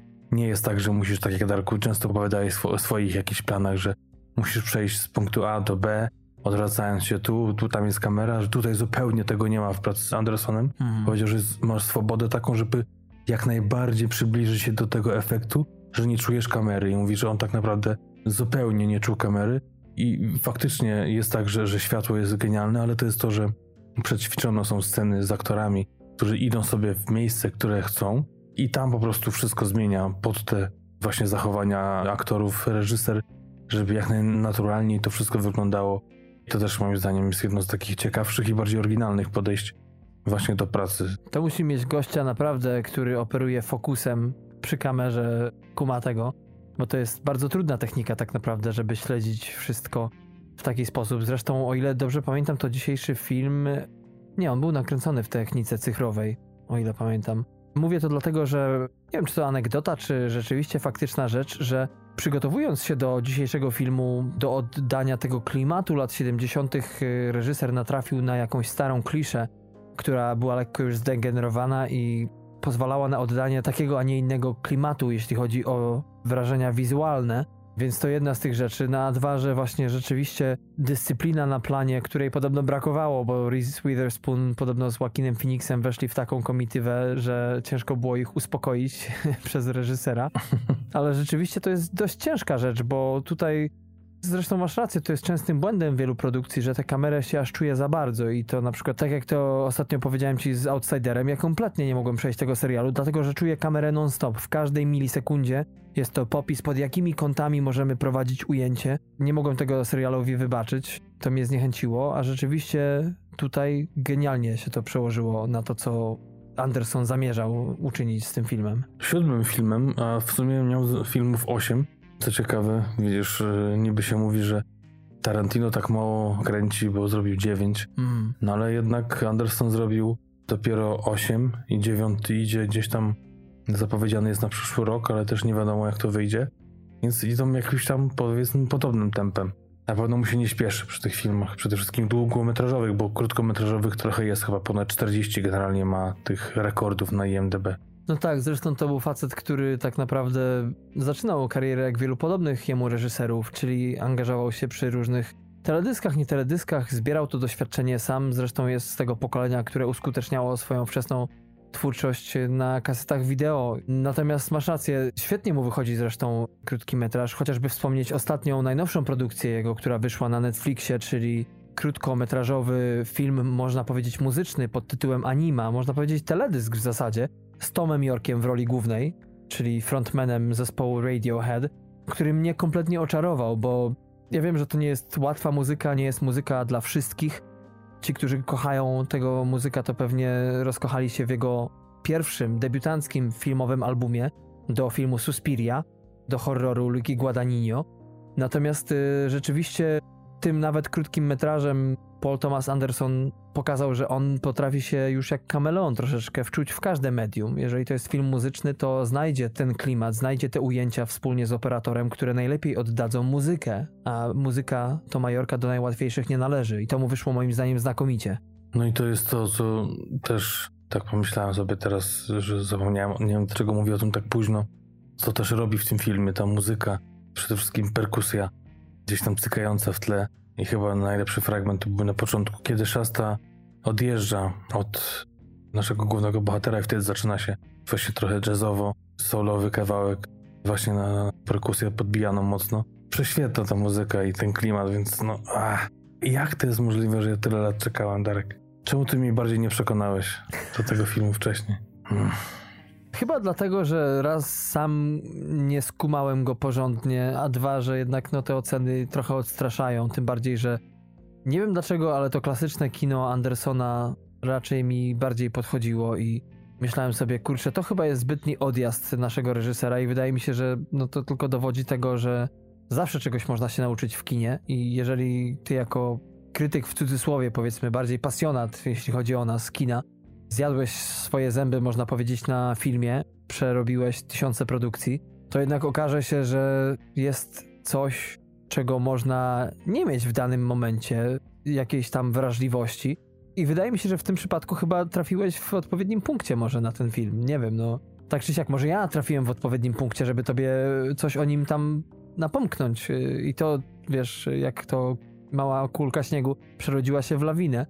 Ale tak mi się wydaje, że to jest chyba jeden z lepszych filmów, jakie do tej pory zrobiliśmy w naszym podcaście, jeśli chodzi o odcinki pełne. Niemniej kontrowersyjny, bo zakładam, że wielu naszym słuchaczom może ten film nie podejść po prostu i temu się nie zdziwię kompletnie. Właśnie też zastanawiałem się, jak mogą być takie niskie ceny dla tego filmu, ale przez to, że no, jak mogę się dziwić, skoro mi to tak naprawdę z drugiej strony tyle zeszło, żeby go w całości obejrzeć. Kochani, przede wszystkim nie zrażajcie się pierwszym momentem. Jak ktoś nie lubi takich zwolnionych akcji do końca, jak u Tarantino, to też niech leci dalej, bo w końcu ta akcja przyspiesza, w końcu cała konspira, ta cała zadyma się rozkręca i idzie do przodu akcja, więc dla takich fanów typowej akcji też jest dużo do połknięcia na wysokim poziomie, ale myślę, że to jest film dla wielu różnych rodzajów widza. I jak ktoś się otworzy, bo to też o tym mówił Brolin, żeby otworzyć się na ten film w całości, go pochłonąć, to taki też inny krytyk mówił o takim strumieniu świadomości, na który trzeba się otworzyć. Hmm. Przede wszystkim to nie jest łatwe. To też nie jest film, który no on nie jest jakiś przeintelektualizowany, ale to jest trochę inna trudność w odbiorze. To jest właśnie to, że wydaje się, że albo on jest jakiś nieskładny, dziwny, albo jest jakiś niedorobiony, jak to się mówi w cudzysłowie. Hmm. Mówili ludzie w minionej epoce. Ale on taki nie jest. Trzeba zawierzyć, że to jest Paul Thomas Anderson. Właściciel nominacji, bo też nie nagród, aż tylu do Oscara. I to jest ktoś, kto po prostu sobie nawet nie pozwoliłby chyba sam przed sobą na zrobienie czegoś słabego, tym bardziej, że to jest film numer 7, czyli przedostatni. No ale z jakichś powodów raz, że film nie zarobił, bo jest poniżej swojego budżetu, bo budżet nie za duży, 20 milionów, jak na tyle gwiazd, to już w ogóle jest e, kropla w morzu, mm. ale jednak chyba zarobił około 16 czy 17. I ta ocena jest mocno moim zdaniem zaniżona. No dajcie mu szansę, prosimy, błagamy, to po prostu wydaje, e, przynajmniej mi się wydaje, że tym bardziej jak taki film się poleci, przez który ciężko przejść, wkręcić w niego, jak się otworzy ten umysł takiego fana, jak mówiłem, właśnie filmów typu Czy leci za nim pilot, ale też i Chinatown, czy właśnie Once Upon a Time in Hollywood, czy Las Vegas Parano, mhm, tak. czy Big Lebowski, to jednak on zadziała. Jestem prawie pewien. No. Tak jak mówisz, nie dla każdego, ale to myślę, że to jest kwestia otwarcia, tak jak mówisz, podejścia. Może nie za pierwszym, może za drugim razem. Ja już wiem, jak smakowity będzie kolejny raz, bo też o zatrwożenia jest tych pełno tych nazwisk, które też przeszkadzają. Nie wiesz, czy tutaj możesz zapamiętać to nazwisko, czy ono jest ważne, czy nie, mhm. ale nawet takie małe sceneczki jak wizyta w restauracji, gdzie jest kelnerka rozbrajająca. Tak, tak, tak, tak. która po zamówieniu. Nie, nie, nie, nie, nie będę w ogóle psuł tego, bo to jest genialne. Ale wiesz, to chyba najlepsze to jest to scena oczywiście z kiedy nasz główny bohater notuje sobie różne rzeczy, które mu zdradzają klienci, którzy przychodzą do niego z różnymi problemami, prośbami.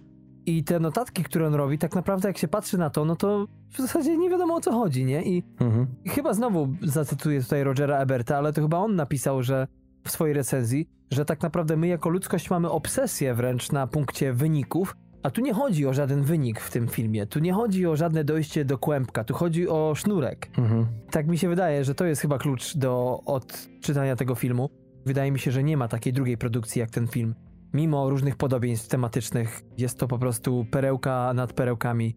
Najlepszy film moim zdaniem Paula Thomasa Andersona, jaki zrobił, choć nie dla każdego. Jakbyś podsumował ten film, jaką byś mu wystawił ocenę? Chociaż wydaje mi się, że podsumowanie to już zrobiliśmy poniekąd. Ja na Filmwebie dałem 9 na 10. Mhm. W sumie nie wiem za co uciąłem, ale, ale myślę, że... Bo świnia.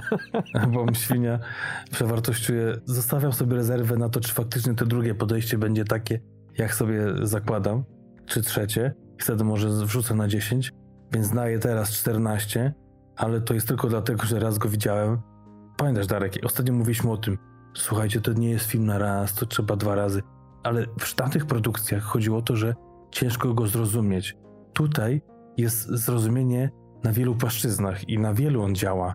Więc y, to jest jazda i rozrywka na każdej, za każdym razem. Zresztą y, wywiad z jedną właśnie z głównych aktorek, Catherine y, Waterstone, która mówiła w wywiadzie, że tak samo jest z książką, co ciekawe. Też za każdym razem jak czytasz, to inne rzeczy włapujesz, na innych się skupiasz, rozumiesz coś, czego nie rozumiałeś za pierwszym razem, bo pamiętasz więcej faktów i ponoć no, genialna interpretacja, zresztą sam autor książki, który zapytany właśnie przez swojego agenta, czy udostępniłby tą książkę Andersonowi, powiedział, że oczywiście, bo jest sam w ogóle fanem twórczości Andersona, więc to się tak ułożyło, że, że to było tylko formalność potem dopięcie kontraktu. Jazda bez trzymanki, niesamowicie komediowy, niesamowicie wkręcający, klimatyczny z mnóstwem, mnóstwem gwiazd które się przewijają z każdą minimalną rulką. Tu nie ma roli, która jest nieważna. Tu nie ma praktycznie, chociaż zastanawiałem się w jednej scenie, bo coś się działo na pierwszym planie, a z tyłu jakiś facet przechodził. I, i powiem ci, że przewijałem go trzy razy. Dalej nie rozumiem, dlaczego to on tam przechodzi. Hmm. Ale to może jest jakieś cameo, którego nie zajarzyłem. No jest y, w której scenie, nie pamiętam już w której autor powieści, który właśnie według Grzesza Brolina ma małe cameo w tym filmie. Może to jest on.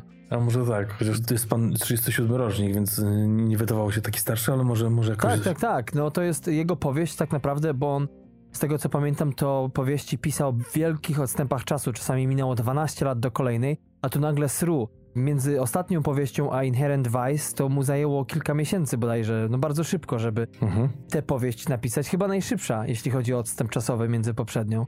Więc być może, być może ten pan jest już dzisiaj wiekowy. Tak, tak, 37 rocznik to dzisiaj patrzyłem i to jest na razie jedna interpretacja. Ja też czytałem, że ludzie czekają na, na kolejne podejścia. Ponoć niełatwy materiał źródłowy, a jednak wybrnął z tego genialnie Anderson. Więc y, dla fanów Andersona, dla fanów Phoenixa, dla fanów Del Toro, Brolina, Witherspoon, dla fanów dobrej jazdy, dla fanów dobrego tripa. Mhm. To też jest inny, zakładam, inne podejście do filmu, jak sobie coś ktoś przypali. Też zupełnie inny film, pewnie na innych poziomach. Zachęcam z całego serca i zachwycony w ogóle byłem tym, że będziemy o tym mówić, że znaleźliśmy taką perełkę. Nieczęsto się to zdarza, takie uczucie. I jest to jakiś moment spełnienia i przede wszystkim tej satysfakcji z prowadzenia podcastu, że właśnie możemy wynajdować takie perełki. No tak. Ja temu filmowi dam 15 na 15. Uważam, że przy całej swojej dziwności jest to dzieło skończone, można powiedzieć. Roger Ebert, którego już wielokrotnie tutaj cytowałem, najlepiej moim zdaniem podsumował ten film, tak jak ja go widzę, czy odbieram. Że jest to film, który wywiera na nas wrażenie tym, jak bardzo ma w czterech literach wywieranie czegokolwiek na nas. Wydaje mi się, że to jest najlepsze podsumowanie. Kocham w tym filmie przywiązanie do szczegółów, często wizualnych, zwłaszcza jeśli chodzi o brak perfekcji, bo mamy tutaj brudne stopy, pieprzyki, włosy na twarzy dziewczyny idącej po plaży i tak dalej, więc rzeczywiście tutaj bardziej naturalistyczne E, oddanie rzeczy góruje, co tylko spina stylistycznie ten obraz. Przepiękne zdjęcia, tak jak mówiłem, i każda postać ma swoje demony. To dla mnie działa, że niekoniecznie każdą trzeba lubić, chociaż lubi się. Natomiast tutaj widzimy je od zupełnie innej strony, być może właśnie jak na początku powiedziałem, takiej, od której oni sami siebie być może nie widzą. To wydaje mi się, że tyle.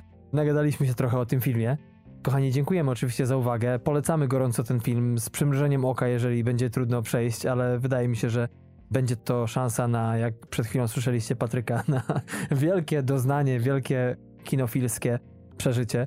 No i tylko tego trzeba, zwłaszcza w dzisiejszych czasach, a my jesteśmy po to, żeby takie rzeczy wam mimo wszystko sugerować, a opieramy to tylko i wyłącznie na naszych szczerych odczuciach, bo tak jak wiecie, nasza selekcja jest dość rygorystyczna, jednak rzeczywiście musimy przekopać tego trochę, żeby coś z szczerym sercem polecić.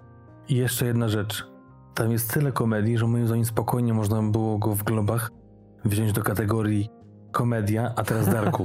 I kochani, Aha. przegrał w nominacjach, czyli nie dostał nominacji. Nie wiem, czy dlatego, że wiesz, Akademia czy Gildia Dziennikarska nie potrafiła tego zauważyć, jak komediowo to jest, bo może po prostu nie mogli przejść tych pierwszych kilku minut Hmm. i, i nie oglądali dalej. Może za bardzo... Nominowany do. To, poczekaj, nominowany do kategorii. Też poczekajcie. Nominowany do kategorii najlepszy film jako komedia był Tajemnice Lasu, które ma ocenę 5-9. 5-9 on był nominowany do Złotego Globa, No słuchaj, a nie był nominowany film dzisiejszy. no może po prostu ci recenzenci byli zbytnio zajęci pisaniem recenzji, czy myśleniem o Nie, recenzji, bo to żeby... była Meryl Streep Nie oczywiście. no, żartuję oczywiście, ale, ale, ale może rzeczywiście im coś umknęło. Gorąco, gorąco polecamy naprawdę perełka nad perełki. I to tyle, jeśli chodzi o dzisiejszy odcinek. Oczywiście znajdziecie nas i post do naszego odcinka na www.tmfpodcast.com, nowiutka strona, tak jak od kilku tygodni przypominamy.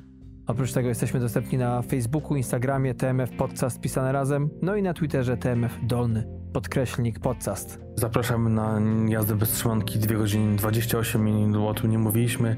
I zapraszamy na kolejne odcinki. Dzięki za dziś, trzymajcie się. Pa!